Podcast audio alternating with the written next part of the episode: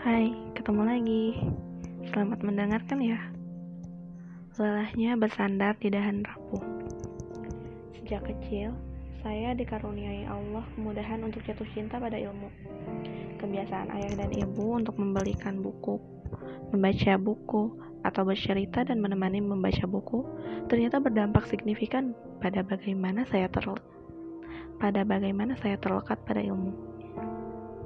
Bagi saya, belajar adalah hal yang paling menyenangkan. Tak heran jika sejak kecil, atas seizin Allah, saya kerap menjadi juara kelas dengan berbagai prestasi. Orang lain sering menganggap ini sebagai sumber kebahagiaan, tetapi nyatanya tidak selalu demikian. Ketika bertumbuh dan mendewasa, saya mau jadi mulai melihat hal ini dari sudut pandang yang lain, hingga saya memahami bahwa semua ini adalah bentuk tantangan dan ujian yang tenang, yang tengah Allah hadirkan. High achiever, berprestasi. Begitulah kiranya istilah yang dapat sedikit menggambarkan kondisi saya dulu. Saya seolah selalu memiliki keharusan untuk menjadi apa pun yang saya mau dan mencapai apa pun yang saya ingin saya capai. Entah apa yang menjadi sebabnya. Mungkin karena salah belajar dan meniru. Mungkin juga karena masih terlalu idealis dan minim kebijaksanaan. Atau yang paling mendekati kemungkinan adalah mungkin dulu saya tak kenal siapa Allah. Siapa diri saya sebagai seorang hamba dan apa kaitannya dengan pencapaian-pencapaian diri hingga akhirnya saya bersikap salah standar. Sebagai seorang high achiever, dahulu saya merasa keberhasilan adalah karena jerih payah saya sendiri. Kecerdasan adalah karena upaya saya belajar, dan prestasi adalah karena saya tak mudah menyerah. Apa-apa diri, segala karena diri, tanpa disadari, saya bersandar pada diri. Awalnya tak masalah, tetapi lama-lama saya mulai bertemu titik lemah dari semuanya. Puncaknya sering kali terjadi ketika saya gagal. Hitungan saya meleset, atau juga ketika rencana-rencana saya berantakan. Saya sebagai manusia biasa yang rentan dan rapuh ini tentu saja jadi kecewa dibuatnya. Padahal semua adalah akibat kesalahan yang dibuat sendiri pada awalnya. Namun, Bukankah pesan para motivator biasanya adalah bahwa kita perlu berusaha menjadi go-getter yang tak mudah menyerah dan mengupayakan segala yang terbaik demi mewujudkan apa yang menjadi impian kita? Ya, itu benar. Saya sepakat dengan hal itu. Meskipun demikian, ada hal lain yang sering kali meluput dari kesadaran kita. Pertama, bahwa kita adalah hamba. Ranah kita ada pada ranah upaya, sementara ranah hasil adalah miliknya. Kedua, bahwa Allah adalah Rob yang menggenggam seluruh takdir dan menjadi sebaik-baik tempat bergantung. Luputnya kita akan hal ini membuat kita menunggukan upaya sebagai sebab keberhasilan. Mendikte takdir agar sesuai dengan ingin kita dan merasa menjadi pusaran dari semesta. Padahal kenyataannya adalah sebaliknya. Kemudian, kesadaran akan hakikat diri dan hakikat Allah inilah yang pada akhirnya, atas izinnya, membuat saya sedikit demi sedikit berlepas dari bersandar pada diri. Bicara tentang hal ini, saya jadi teringat sesuatu. Suatu sore, saya dan beberapa teman duduk-duduk di sebuah kafe. Sambil menunggu satu orang teman yang belum datang, kami mendengarkan seorang dari bercerita, seseorang dari kami bercerita tentang pasiennya di sebuah klinik memori yang ada di salah satu rumah sakit di Bandung. Singkat cerita, pasien tersebut adalah seorang profesor yang mengidap penyakit Alzheimer. Di usianya yang sudah lanjut, penyakit tersebut membuatnya kehilangan kontrol terhadap ingatan dan apa yang dia lakukan.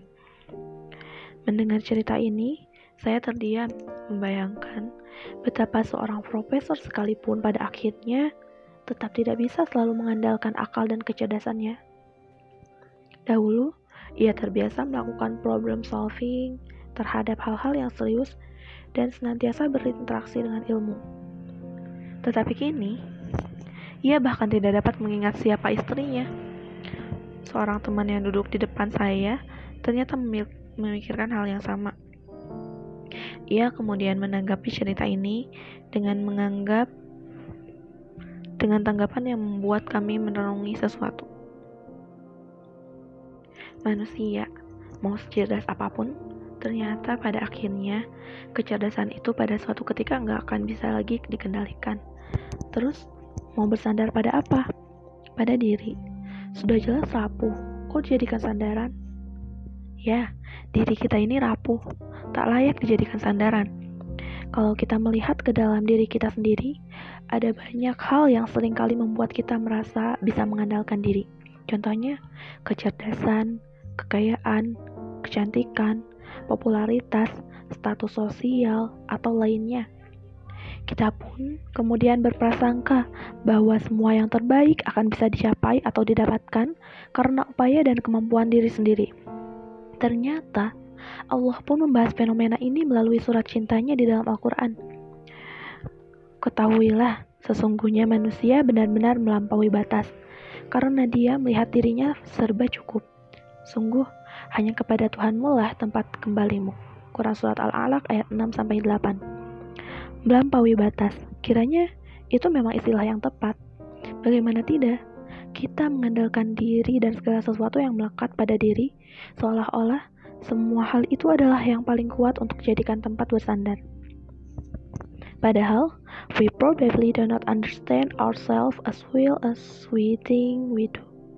Lalu, bagaimana? Dalam sebuah diskusi panel saat saya mengikuti konferensi di Istanbul, para profesor membahas satu konsep fenomena menarik bahwa pada dasarnya manusia itu bersifat menggantungkan diri pada sesuatu. Manusia suka bersandar pada dahan tertentu. Hal ini mungkin terjadi karena kita membawa sifat ketanahan, tanah, yang ingin selalu melekat pada sesuatu yang memiliki kandungan yang sama dengan tanah tersebut. Bersandarnya tak salah, tetapi masalahnya ada pada sebuah pertanyaan kontemplatif kepada siapa kita bersandar dan menyandarkan hidup. Sebab, seperti yang sudah sering kita lihat, dengar, atau rasakan, awal mula kekacauan hidup sering kali terjadi jika kita memilih yang lain selain Allah sebagai tempat bersandar dan bergantung. Bukankah begitu? Dalam tulisan berjudul Why You Can Trust Yourself, Mark Manson mengungkapkan alasan-alasan menarik tentang mengapa kita tidak bisa bersandar pada diri sekitar. Satu yang bagi saya paling menarik adalah karena katanya, you don't have you don't have a clue about what makes you happy or miserable. Duh, berelo. Tentu saja, kita ini yang bahkan ketika sujud pun kepala lebih rendah daripada saluran pembuangan, bisa apa memangnya tanpa pertolongan Allah? Kita ini yang bahkan hanya punya sekat yang tipis antara ketakutan dan keberanian, bisa apa memangnya tanpa kemudahan dari Allah? Kita ini yang bahkan tidak akan pernah sanggup jika sedetik saja diminta mengendalikan kinerja darah, jantung, dan kedipan mata. Bisa apa memangnya kita mendikte takdir? Jangan bersandar di dahan rapuh, atau kita akan terjatuh. Kembalilah pada dia sebaik-baik sandaran sebaik-baik tempat bergantung, sebaik-baik pemilik takdir, juga sebaik-baik pemelihara. Semoga hati kita selalu terpaut padanya, agar dahan-dahan yang rapuh itu tidak lagi mengambil porsinya. Kesalahan di belakang biar menjadi sebuah pembelajaran yang tak hanya berharga, tapi juga bermakna. Selesai.